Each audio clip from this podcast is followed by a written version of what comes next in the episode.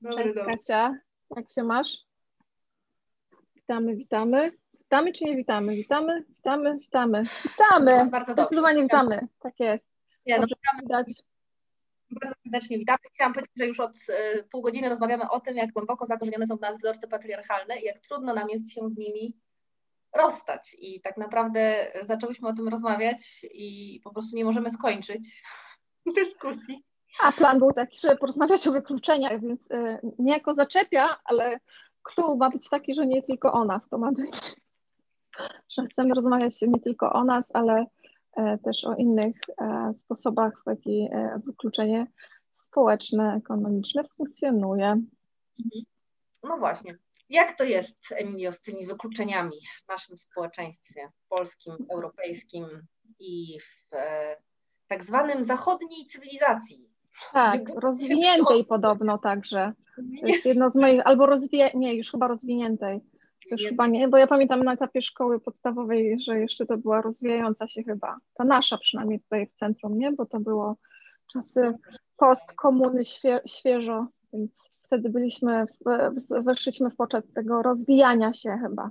Wcześniej byliśmy no, jakby elementem zachodniej Europy. Tak, dzięki wejściu do Unii Europejskiej. Więc z tego, z tego, co wiemy z teorii dotyczącej wykluczenia, to mówimy o niezdolności ogólnie, czyli od tego, od, dzieląc na dwie, dwa różne, na dwa, dwie oddzielne grupy, czyli wykluczenie społeczne i wykluczenie ekonomiczne. Społeczne wiąże się z tym, że osoby nie mają dostępu i nie mają e, praw do wykonywania czy do, do życia w społeczeństwie w sposób, w którym inne osoby mogą. Tutaj możemy mówić o tym na przykład jak prawo do związków partnerskich, tudzież małżeńskich, możemy też mówić o tym, że społecznie wykluczone mogą być mniejszości albo imigranci w sytuacji kwestii społecznych, uczestniczenia w wydarzeniach, głosowania itd. Tak a ekonomicznie to dosyć proste, to jest bardzo liczbowe i widać w danych, czyli to, co nazywamy e, wykluczeniem, wiąże się z zasobnością naszych kont, portfeli,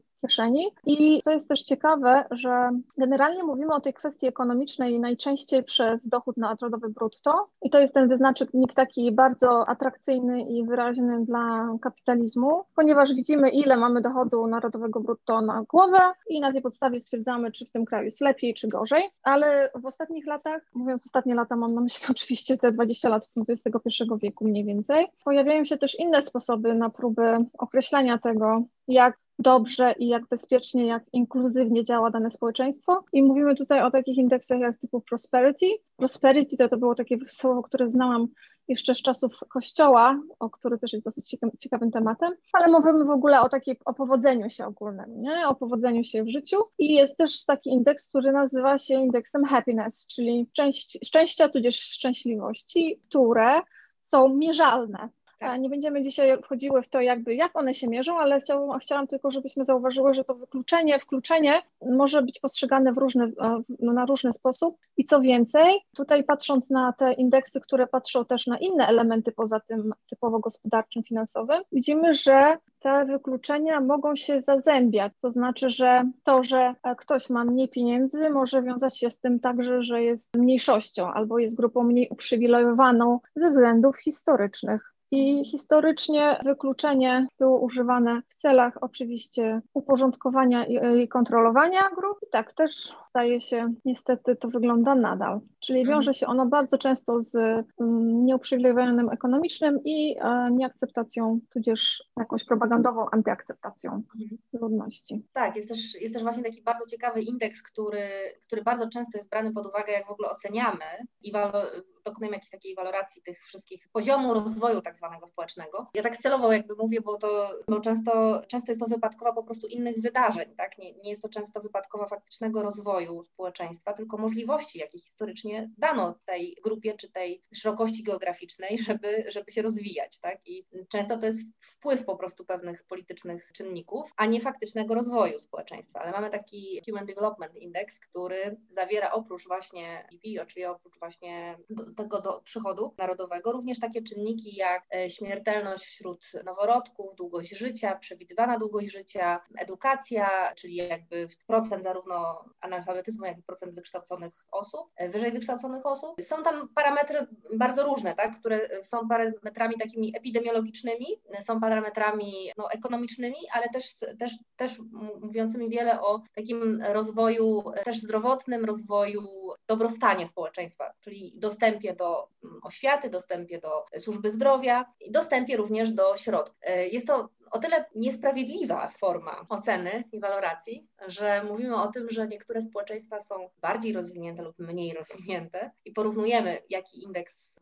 posiadają, nie mając jakby, zapominając, że to jest czysty przypadek, że akurat urodziliśmy się w tym obszarze geograficznym i mieliśmy szansę znalezienia się w takiej sytuacji. Rodząc się w jakimś innym społeczeństwie, mielibyśmy po prostu dużo gorsze szanse na rozwój, przeżycie, edukację, wykształcenie, dostęp do, do, do nowoczesnych e, zabiegów medycznych. To są elementy, które przekładają się później na coś właśnie, co, co nazywamy właśnie później ekonomicznym wykluczeniem, czyli na tym, co jak oceniamy, tak, że na przykład ci, ta emigracja to są właśnie ta lepsza emigracja, emigracja, albo y, mamy gorszą emigrację, tak? I jakby waloryzacji dokonujemy pewnego rodzaju wartościowania tych jednostek, które, które y, napływają, względem krajów, z których napływają. Bardzo to widać w kraju, w którym ja mieszkam, gdzie są takie trzy grupy emigrantów, czyli klasa premium, która, która, pochodzi z, która pochodzi z krajów wysoko rozwiniętych, czyli z Europy A, ze Stanów Zjednoczonych, z tych krajów, z których kapitał no, jest jakby niekwestionowalny. Jest też taka klasa ekonomii, to są właśnie mm. kraje Europy B, jest, to są też osoby, które są postrzegane jako bardzo dobrzy pracownicy, którzy bardzo ciężko pracują, którzy bardzo jakby, ale jakby postrzegani przez, ten, przez tą kwestię chcących dokonać awansu społecznego i awansu no, pewnego rodzaju tak ekonomicznego. To są właśnie też te osoby, które, które pracują na stosunkowo dobrych stanowiskach, ewentualnie mają taką szansę, tak, żeby stosować. stosować. I jest też taka klasa, że tak powiem, lower, w której znajdują się... Coach, już taki jeszcze, jeszcze bardziej niż? Myślę, że, nie, myślę, że, że, że tak, żebyśmy tak bardziej porównywali do luku bagażowego, jak te osoby są mhm. traktowane. Ja przepraszam, że tak w ogóle to nie jest w ogóle absolutnie śmieszne, tak? ale to są jakby wszystkie te kraje, z których, e, które są postrzegane jako te, których, z których ta emigracja jest niepożądana, tak? którzy albo nie mają szansy na uzyskanie statusu rezydentów, mm, albo mają status właśnie osób, które albo są, funkcjonują bez, bez dokumentów, bez ubezpieczenia społecznego, bez dostępu. E, jest na przykład olbrzymia dyskusja, czy w ogóle szczepić te osoby, czy nie szczepić tych osób, czy w jakiej mm. kolejności szczepić. I wykonują często fizyczne prace, wykonują często prace, które są e, albo mało płatne, albo, e, albo po prostu są potencjalnie również e, wykorzystywane tak, przez ten system, w którym funkcjonują, no bo na przykład wykonują pracę w domu, nie są, nie są opłacane, jest cała rzesza tak, kobiet, które wykonują pracę w domach jako takie gosposie, czy osoby, które mieszkają, pilnują dzieci, pilnują starszych osób i nie mają prawa tak, do, do opieki społecznej, znaczy nie mają prawa, mają prawo, tak, ale bardzo często właśnie są wykorzystywane, ich status jest wykorzystywany w taki sposób, że one no, nie są ubezpieczone, nie, są, nie mają wakacji, nie mają płacone za, za wakacje i tak dalej, nie mają tych wszystkich praw i uprawnień, które się pracownikom po prostu należą i, i są czymś normalnym, tak, i to jest właśnie słynna, słynna wypowiedź, którą słyszałam jakiś czas temu, mówiąca o tym, nie rozumiem dlaczego people moja niania jest niezadowolona, że zabieram ją na wakacje na plażę. No i tu powstał taki zgrzyt, bo ja tłumaczyłam, że nie tylko nie zabierasz swojej, waka- swojej niani na wakacje, bo ona idzie do pracy i pracuje. To, że ona wykonuje tą samą pracę, którą wykonuje u Ciebie w domu, tylko w innym miejscu. Więc e, tak, potrzebuje oprócz tego wakacji, ponieważ wakacje to, to jest czas dla niej. Pewnie gdyby miała wybór, to nie pojechałaby na plażę z Tobą, tylko pojechałaby na plażę ze swoimi znajomymi albo rodziną, albo w ogóle cokolwiek innego by zrobiła, tak? Po prostu nie pracowałaby wtedy, to wtedy są wakacje. To, że ją zabierasz i jest z Tobą miesiąc na, na plaży, to nie znaczy, że, że ona nie pracuje. Ona bardzo ciężko pracuje w tym czasie. No to są takie właśnie skutki wykluczenia. Tak, ale przez to wszystko po prostu wysłać tak ostry przywilej w, w, całym tym języku, którym operujemy. Mówię operujemy, ponieważ myślę, że takim językiem po prostu też jesteśmy uczone, nie? Jakby ja na pewno byłam uczona mówienia e, per nie rozwijające się, rozwinięte wcześniej i nadal wiele osób używa określenia e, trzeci świat, w ogóle, który dla siebie samych był pierwszym światem, ponieważ w ogóle nasza perspektywa jest e, naszą tam, gdzie jesteśmy. Pamiętam, jak pierwszy raz zobaczyłam w Chinach mapę świata Chiny są potęgą i historycznie jakby są po prostu są niesamowite. To nie jest coś, o czym się uczymy bardzo, ale są potęgą, ale pomijając to, dla mnie było niezwykłe to, że ta mapa po prostu odzwierciedlała właśnie to, że oni są Chińczykami i że są stamtąd. Czyli tak, tak jak my jesteśmy w sercu Europy i nam się wydaje, że jesteśmy w sercu w ogóle całego świata, tak y, to jest punkt widzenia, zależy od punktu siedzenia, tudzież urodzenia się i cały ten język, którym operujemy, mówiąc o, o tym, jakie są grupy i to, jak powiedziałaś o tym, jak postrzegane są grupy emigrantów w krajach, wydaje mi się, że to jest, e, to jest pejoratywne. Te określenia są jakby e, nie, nie są ok, bo traktują ludzi jak przedmioty i no, całe prawa człowieka i wszystko to, co się wydarzyło po II wojnie światowej i e, idee ONZ-u i tak dalej, miały takie piękne idee jak człowiek i zasługi zasługuje na to i ma prawo do tamtego i w ogóle i wszyscy jesteśmy równi. No jak to ja czasem mówię pierdus merdu, e, no nie jesteśmy wcale w żaden sposób równi, nie jesteśmy równie traktowane, ponieważ e, my w momencie, kiedy e, jako kraj wstąpiliśmy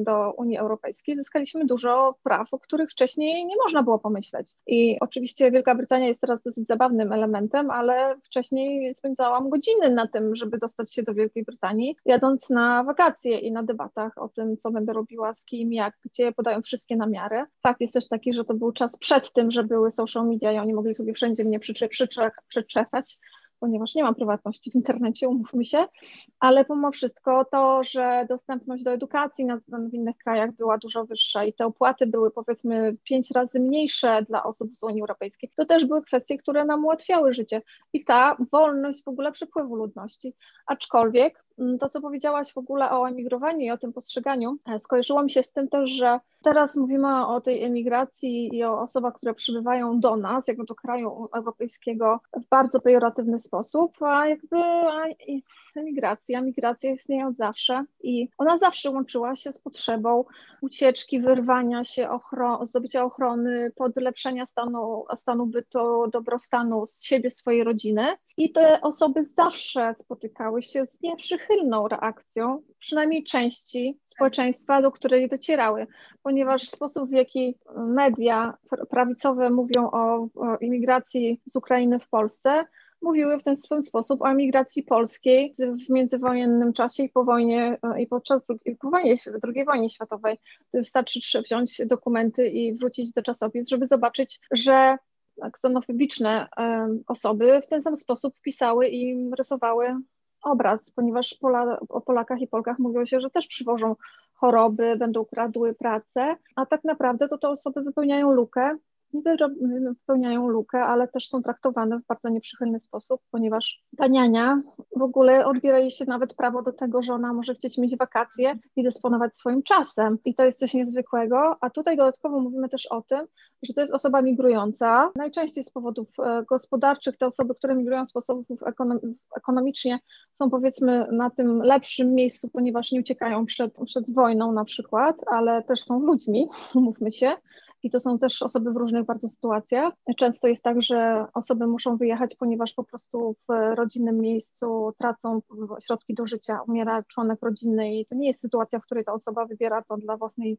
zabawy czy przyjemności. I ja pamiętam, że byłam zaskoczona kiedyś e, będąc, i to oczywiście wyjdzie teraz mój wielki przywilej, ale będąc na masażu tajskim, gdzie zawsze są tajki w sensie mówię o większych miastach w Polsce, nie? I ja wcześniej w ogóle jakoś tak nie myślałam o tym istnieniu, że to jest masaż tajski wykonywany przez tajki, więc te osoby skądś są, nie? To nie są osoby z nie, nie przylatują, nie, nie, nie teleportują się z domu na godzinę pracy i, i porozmawiałam z jedną z nich i e, na tyle, na ile to jest oczywiście możliwe, to nie jest sytuacja prywatnego spotkania i okazuje się, że przecież to są kobiety, bo najczęściej kobiety, które e, wysyłają pieniądze co miesiąc do domów swoich mhm. do, Taj do Tajlandii, nie? I mój mózg był taki, że one na przykład nie widzą swoich dzieci 2, 3, 5 lat, dostają mhm. tylko zdjęcia, nie? Jest XXI wiek i, i, i my myślimy o tym, że to jest, nie wiem, jakiś może przywilej dla nich, że ich po prostu nawet nie stać na to, żeby tam jeździć, żeby te dzieci przyjeżdżały, tylko wysyłają te pieniądze i miałam taki taki, tak, taki, takie zderzenie z rzeczywistością trochę, nie? że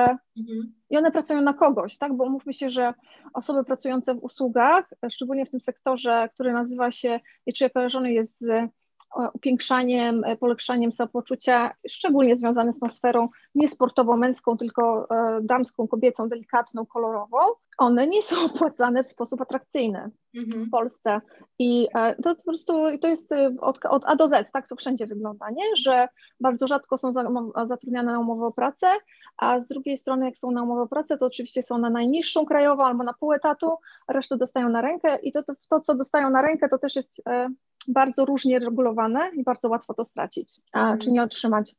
I tak sobie pomyślałam, że no ja mogę sobie iść na ten masaż, nie? Mhm. Generalnie robi mi wspaniale i dobrze. No i płac, no kosztuje powiedzmy tam, nie wiem, 250, 300, 400 zł, w zależności od sytuacji i od czasu. I ta osoba dostaje z tego jakieś może 20%, mhm, tak. gdzie to ona wykonuje fizycznie pracę, nie? To jest ta osoba, która wykonuje pracę.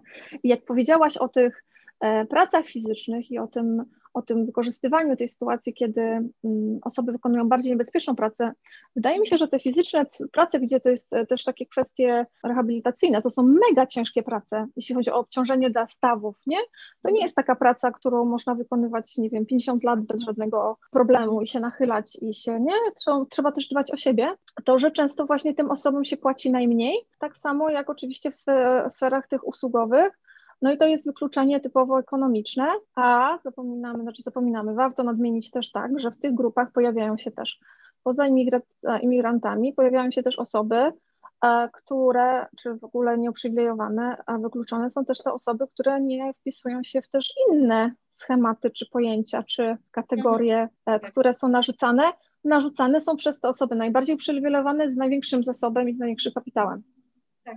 No właśnie, to jest, to jest właśnie taki, taki bolesny element y, i ja uważam, że to jest przejaw takiego absolutnego współczesnego kolonializmu i współczesnego klasizmu, który po prostu funkcjonuje tak, w, w świecie, że no mamy, mamy i korzystamy z białego przywileju. Dopiero kiedy nam on się kończy, dopiero kiedy nam on się kończy, to dopiero wtedy sobie uświadamiamy, e, jak mierzymy się z taką sytuacją. Na przykład, e, będąc na emigracji, tak, i nagle okazuje się, że nie jesteśmy w tej klasie premium, tylko w innej, w związku z czym nie możemy skorzystać z tylu przywilejów, ile normalnie, do których jesteśmy przyzwyczajeni, to wtedy dopiero zaczynamy zastanawiać się nad tym, zaczynamy to kwestionować, tak? E, I to jest właśnie słynny przykład, dlaczego w Stanach Zjednoczonych w pewnych momentach, w pewnym momencie zażądano, żeby zmienić opis rasy w formularzach wszystkich, medycznych, niemedycznych i tak dalej.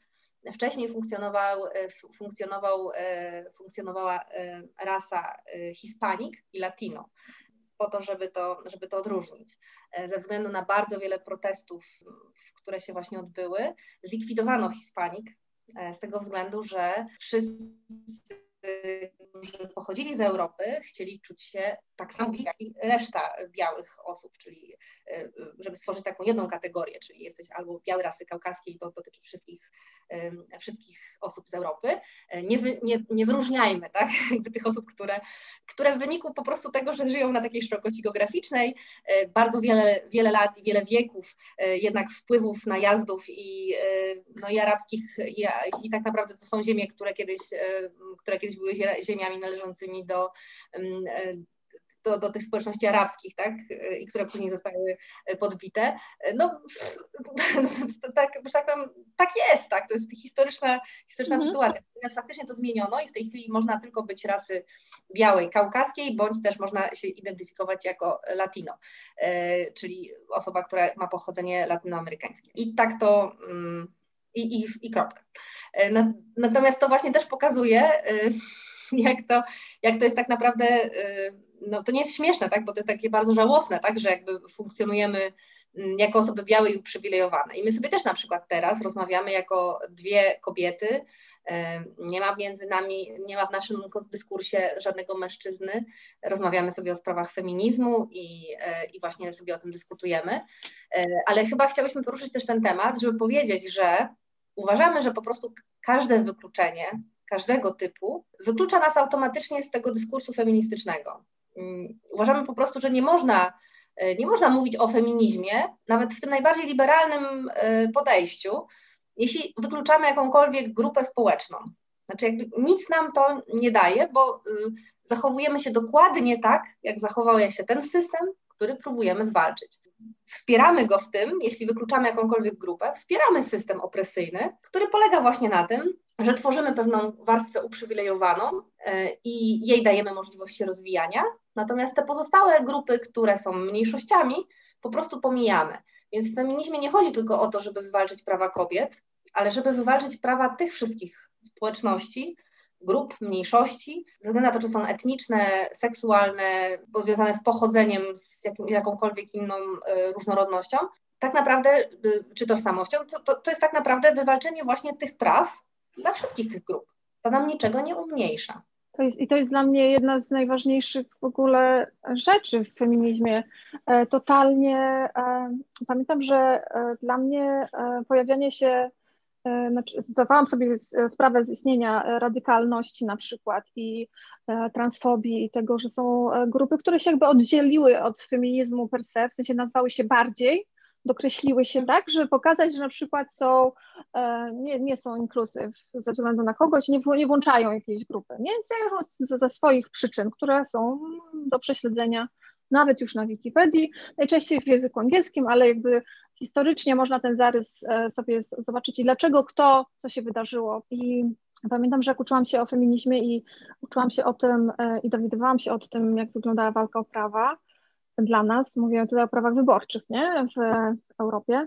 I w momencie, kiedy dowiedziałam się, że białe feministki, białoskóre, moje ulubione słowo, które nie istnieje, ale myślę, że dobrze odzwierciedla to, jak się pięknie tworzy e, wyrazy, żeby wykluczać innych i naznaczać, że one używały argumentów rasistowskich, żeby pokazać, że one powinny mieć to prawo, bo co chcecie oddać prawa tym innym, nie? I tu mówimy oczywiście o, o czarnych, e, o, o wszystkich ludach jakby e, rodzimych dla danych terenów, tych, które też często emigrowały.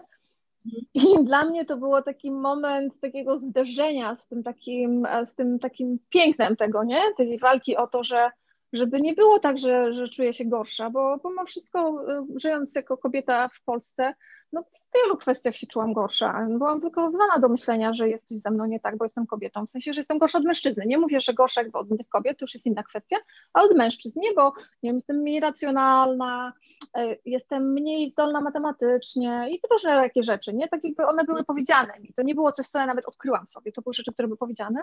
I ja pamiętam, że miałam taki moment, kiedy pomyślałam sobie, że yy, nie? I takie kurde, nie? I właściwie wtedy ucieszyłam się, że urodziłam się w Polsce, mhm. gdzie nie było, e, nie było osób z Indii, Indusów, Indusek i w ogóle, bo sobie pomyślałam, że jak te Polki poszły, nie, te nasze siostry starsze e, i walczyły i tam debatowały z Piłsudskim, to że one tak. wszystkie były białe przynajmniej, wiecie, wiesz, nie, że, że one nie, że nie było tego konfliktu.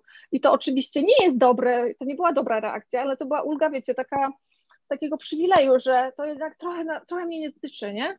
Wtedy tak mi się mhm. wydawało, że urodziłam się w Polsce, to nie jest nasz problem, to nie jest mój problem, ale to jest nasz problem, to jest mój problem, ponieważ w Polsce też są czarne osoby.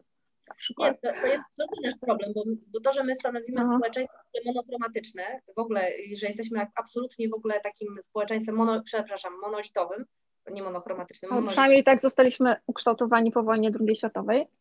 Tak, do, dokładnie i jakby to jest olbrzymia wyrwa tak naprawdę w społeczeństwie, którą nam zrobiono, że, że jakby nie mamy tej różnorodności takiej.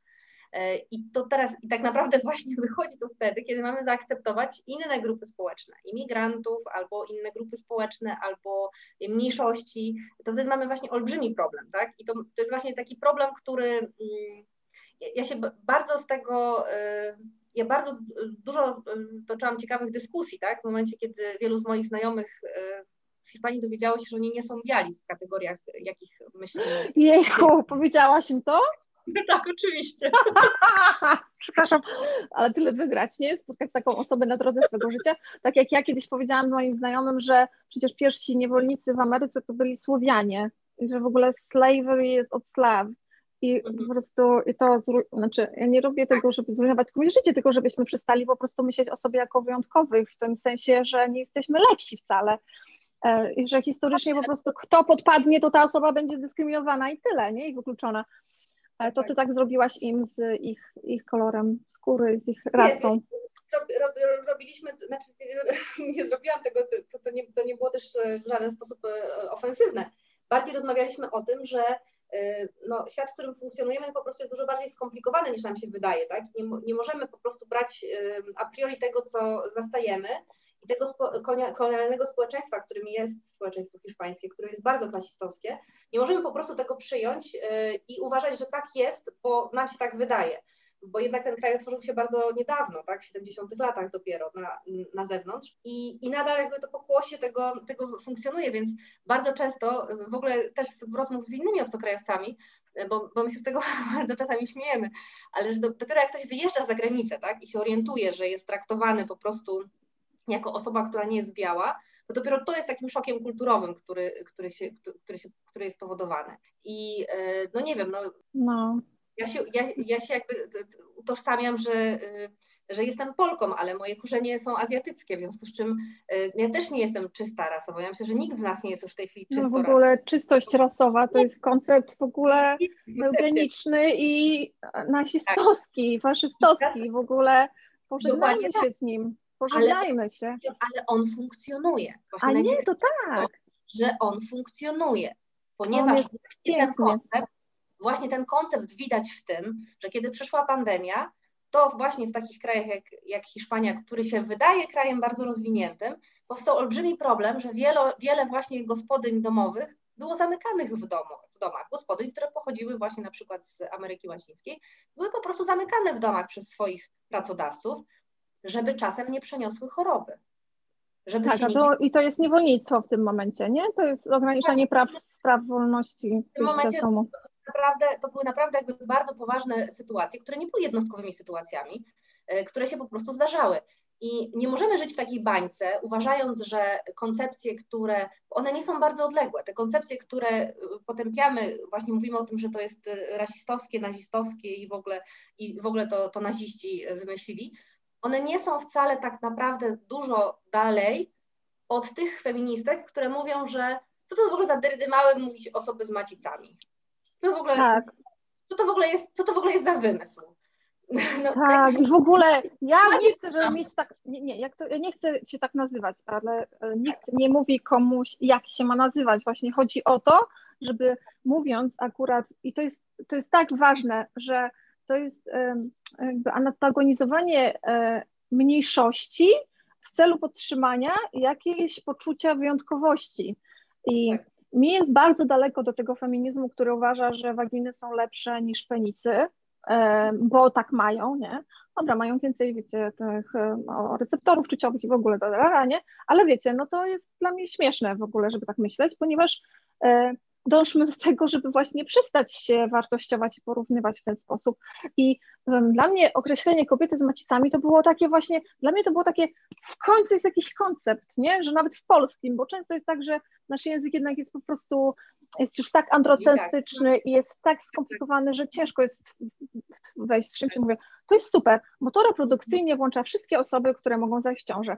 Czy, te, czy ta osoba się uznaje za kobietę, czy ta osoba się jest niebinarna, czy ten, ale jeśli ma jakby biologicznie możliwość taką, to w tym momencie ta osoba jest włączona i ta osoba ma, będzie miała prawa, albo ich nie będzie miała prawa. I ta osoba jest brana pod uwagę, jest szanowana. Tak. Ale spotkałam się z rzeczywistością, tak. spotkałam się z inną rzeczywistością w ogóle. Właśnie nie o to w tym wszystkim chodzi, dlatego że ja sobie zadawałam pytanie, kiedy usłyszałam całą awanturę i dlaczego właśnie chciałyśmy o tym porozmawiać, bo cała awantura była, bo jakby zastanawiałam się, i co takiego się wydarzy, jak tak powiemy. Znaczy, co się takiego mm -hmm. wydarzy? Nie wiem, Rzeczypospolita się rozpadnie, orzeł spadnie z tego godła, no co się stanie, nie? Co Ej, się wydarzy? Wyobrażam to sobie. Ja już to widzę. Przepraszam, naprawdę ja to widzę. Nie, no, orzeł ja, spada. Korona z głowy spada. Co się wydarzy takiego, jak tak powiem, nie? Co się, co się takiego wydarzy? Otóż zdekonstruujemy patriarchalną rzeczywistość. To się wydarzy. I to jest właśnie źródło tego problemu. Dlaczego mówimy, że to nie jest już feminizm? Właśnie dlatego, że kiedy wykluczamy, że, że właśnie o to chodzi w feminizmie, żebyśmy zdekonstruowały ten istniejący porządek, który mówi, że są pewne klasy i e, porządek świata wygląda tak. Kobiety rodzą dzieci, e, mężczyźni są uprzywilejowaną warstwą, która panuje nad światem i rządzi, a kobiety mają właśnie, no właśnie to chcemy zdekonstruować. Więc ten język pomoże nam w tej dekonstrukcji ale mm. jeśli się przed nim broni i ktoś mówi, że to jest jakiś w ogóle wymysł, nie będziemy w ogóle tego, w ogóle to jest po prostu absolutnie koncepcja, nie będziemy walczyć o te prawa, bo najpierw musimy się wywalczyć o prawo. Nie, to nie jest tak. Nie jest to tak. To właśnie jest element, który pokazuje, że jesteśmy nadal siedzimy właśnie w tym konstrukcie, nadal się, mościmy się tylko i, yy, i mościmy się tylko i to jest właśnie, to właśnie mi przypomina, mi przypomina właśnie jedną, yy, jedną rozmowę, którą e, niedawno odbyłam z jednym z czasopism kolorowych, które zaproponowało mi współpracę, mówiąc, że wiesz co, bo, my byśmy potrzebowali głosu takiej feministki, ale takiej nie bardzo krzykliwej. Ojej, Kasia, to chyba nie... To jak być ja. Się... Dobrze, przepraszam. Tak, ale to właśnie... Ale i w ogóle, zobacz, ale jaki jest piękny, to jest fenomenalne. Dobrze, że nie użyłam, myślę, że jeszcze mogły użyć, można było użyć słowa potulną bardziej. Taką, która będzie ładniej wyglądała, tak będzie bardziej gładka. Nie będzie niczego kwestionowała za bardzo, ale będzie umiała używać ładnych słów. Tak, o to chodzi, bo no. właśnie o to, że wy możecie sobie robić, co chcecie. Wy możecie sobie protestować, wy możecie sobie mówić, że się nie zgadzacie. Chodzi o to, żebyście po prostu nie zrobiły nic z tą konstrukcją, którą tu mamy ułożoną od lat i tak dobrze funkcjonuje.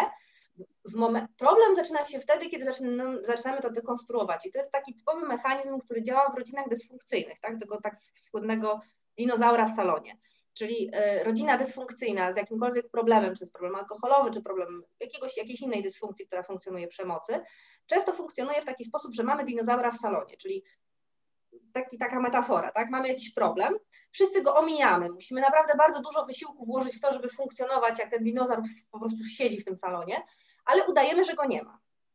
Jak ktoś mówi, słuchajcie ludzie, mamy dinozaura w salonie, może byśmy go wychrzanili z tego salonu, będzie nam dużo wygodniej chodzić i w ogóle zyskamy przestrzeń, będzie w ogóle inny. Wtedy wszyscy się na niego rzucają, bo on próbuje zdekonstruować jakąś rzeczywistość na tego człowieka i mówią, absolutnie w ogóle nie masz racji. Jaki problem? Tutaj był od lat. On tu jest Nikomu od lat. nie przeszkadza. Tak po prostu jest i nie próbuj z tym nic zrobić. I to jest właśnie ta, ten mechanizm właśnie dysfunkcji. On pokazuje tą dysfunkcję. W momencie, kiedy zaczynamy się, e, zaczynamy odmawiać komuś prawa również do, e, do samostanowienia, odbieramy mu to prawo, to tak naprawdę wspieramy ten system opresyjny, który chcemy zwalczać. Tak, i tutaj e, myślę, że będziemy powoli kończyły, ale warto też pamiętać, że mówiąc na przykład, że po co osobom, które są nieheteroseksualne, nie cis, na przykład małżeństwo, też robimy to samo, ponieważ mnie instytucja małżeństwa osobiście niezbyt jara w stanie, który jest zastany z różnych powodów, ale uważam, że wszyscy powinniśmy mieć prawo do wejścia w ów stan e, wyboru e, kontraktu i tylko tyle i tak jest. E, chciałam tylko jeszcze wspomnieć, nawiązując do wykluczenia, do tego, że ja przez bardzo wiele lat nie wiedziałam, że w ogóle rasa kaukaska właściwie istnieje tylko w amerykańskich dokumentach i że to, ten termin też tylko tam istnieje. I to też jest taki fajna, taka fajna zajawka, żeby sobie poczytać, że w ogóle skąd ten farmazon i jak on się rozprzestrzenił. E, myślę, że do wykluczania i wkluczania i do inkluzywności będziemy wracały, ponieważ obu nam e, zależy na dekonstrukcji tego, jak e, nawet automatycznie zachowujemy się i traktujemy siebie i innych. I będziemy pewnie też rozmawiały o innych rzeczach, które wiążą się też ze samostanowieniem Myślę, że jako kobiety, czy cis, czy nie cis, het, czy nie het, ale istniejące, a e, feminizm intersekcjonalny i inkluzywny to jest ta droga, która może dać nam szansę na to, żebyśmy przeformowały, przeformowali społeczeństwo. Zmiany często rodzą tarcia, tak wyglądają zmiany w każdym naszym nawyku i w życiu, więc e, na pewno to będzie trudne i na pewno nie będzie, wszyscy nie będą się nad nim cieszyli, ale no czasem tak jest, nie? No jak zaczynamy biegać na przykład, bo chcemy, to na początku jest bardzo ciężko i bardzo nas boli, więc myślę, że e, optymistycznie zakończąc, nie zniechęcajmy się. Zmiany są, zmiany są naturalne, warto tylko jeszcze powiedzieć, że kiedy pojawiły się pierwsze samochody, to były osoby, które uważały, że nie widzą przyszłości przed tym e, wynalazkiem technologicznym. Mm -hmm. Jest to tak. tak idąca zmiana, że ona się na pewno nie przyjmie i nikt nie zastąpi koni e, nowymi pojazdami, bo mogą się psuć w ogóle niebezpieczeństwo i tak dalej. W związku z czym zmiany po prostu są naturalnym elementem rozwoju. Żeby nie powiedzieć ewolucji, ale... Nie, ale... takich wyrazów nie, nie, tak, daleko nie, tak daleko nie chodzimy. Tak. Musimy pamiętać, jednak, że my jesteśmy jednak niekrzykliwe, więc nie używajmy faktycznie słów, które mogłyby być, nie, właśnie używajmy tych słów, które mogłyby rozdrażnić, bo to jest tak. bardzo istotne. Chodzi też o nasz rozwój, tak? I chodzi też tak naprawdę o nasz postęp, bo, y, bo on się w taki sposób dokonuje nas jako, jako jednostek, tak? Że po prostu żyjemy lepiej, żyje nam się lepiej i, i żyje nam się ciekawiej, żyje nam się, żyje nam się po prostu bezpieczniej. Y, I, y, i też to bezpieczeństwo rozlewa się też na nasze rodziny, na tą sytuację, kiedy na naszych bliskich, na naszych przyjaciół i znajomych, że w jakiejkolwiek nowej sytuacji się znajdą, to, y, to będą bezpieczni, tak? A na ten moment y, osoby nie cis, nie het y, w kraju, przepraszam, zapomniałam o religii, niekatolickie w kraju, który nazywa się Rzeczpospolita Polska, nie są włączone do wielu sfer i są naznaczane w różny sposób. E, do tego jeszcze oczywiście stan, e, stan małżeński, niemałżeński e, i inne czynniki. Ten system i ta struktura patriarchalna jest naprawdę ostro, mocno budowana przez tysiące lat, więc pewnie nam jeszcze ileś tam setek zajmie, ale możemy naprawdę na poziomie jednostki starać się otwierać sobie trochę czaszkę i kobiety z macicami to bardzo dobre określenie. Mhm, tak, albo osoby z macicami, tak? Tak, osoby z macicami, kobiety z macicami. E, spotkałam się, notabene, e, anegdota na koniec, spotkałam e, się z, oczywiście z tym, że przecież nie wszystkie kobiety mają macicy, dlatego osoby z macicami włącza wszystkie, ale osoba, która akurat, o której ja wiem, nie miała problemu z tym terminem, chociaż jest bezpestkowa, więc wydaje mi się, że osoby z macicami, osoby nie cis, het, LGBTQ+, E, i wszystkie inne osoby e, mają się czuć bezpiecznie. I taki jest cel tego istnienia, tak. żeby tak było. No, dokładnie. Niczego nam to w tej walce nie ujmuje, zupełnie niczego. Nie, zupełnie, się nie, zupełnie się też nie rozpraszamy, e, wręcz przeciwnie. Skujemy więcej sojuszników, a to jest bardzo ważne.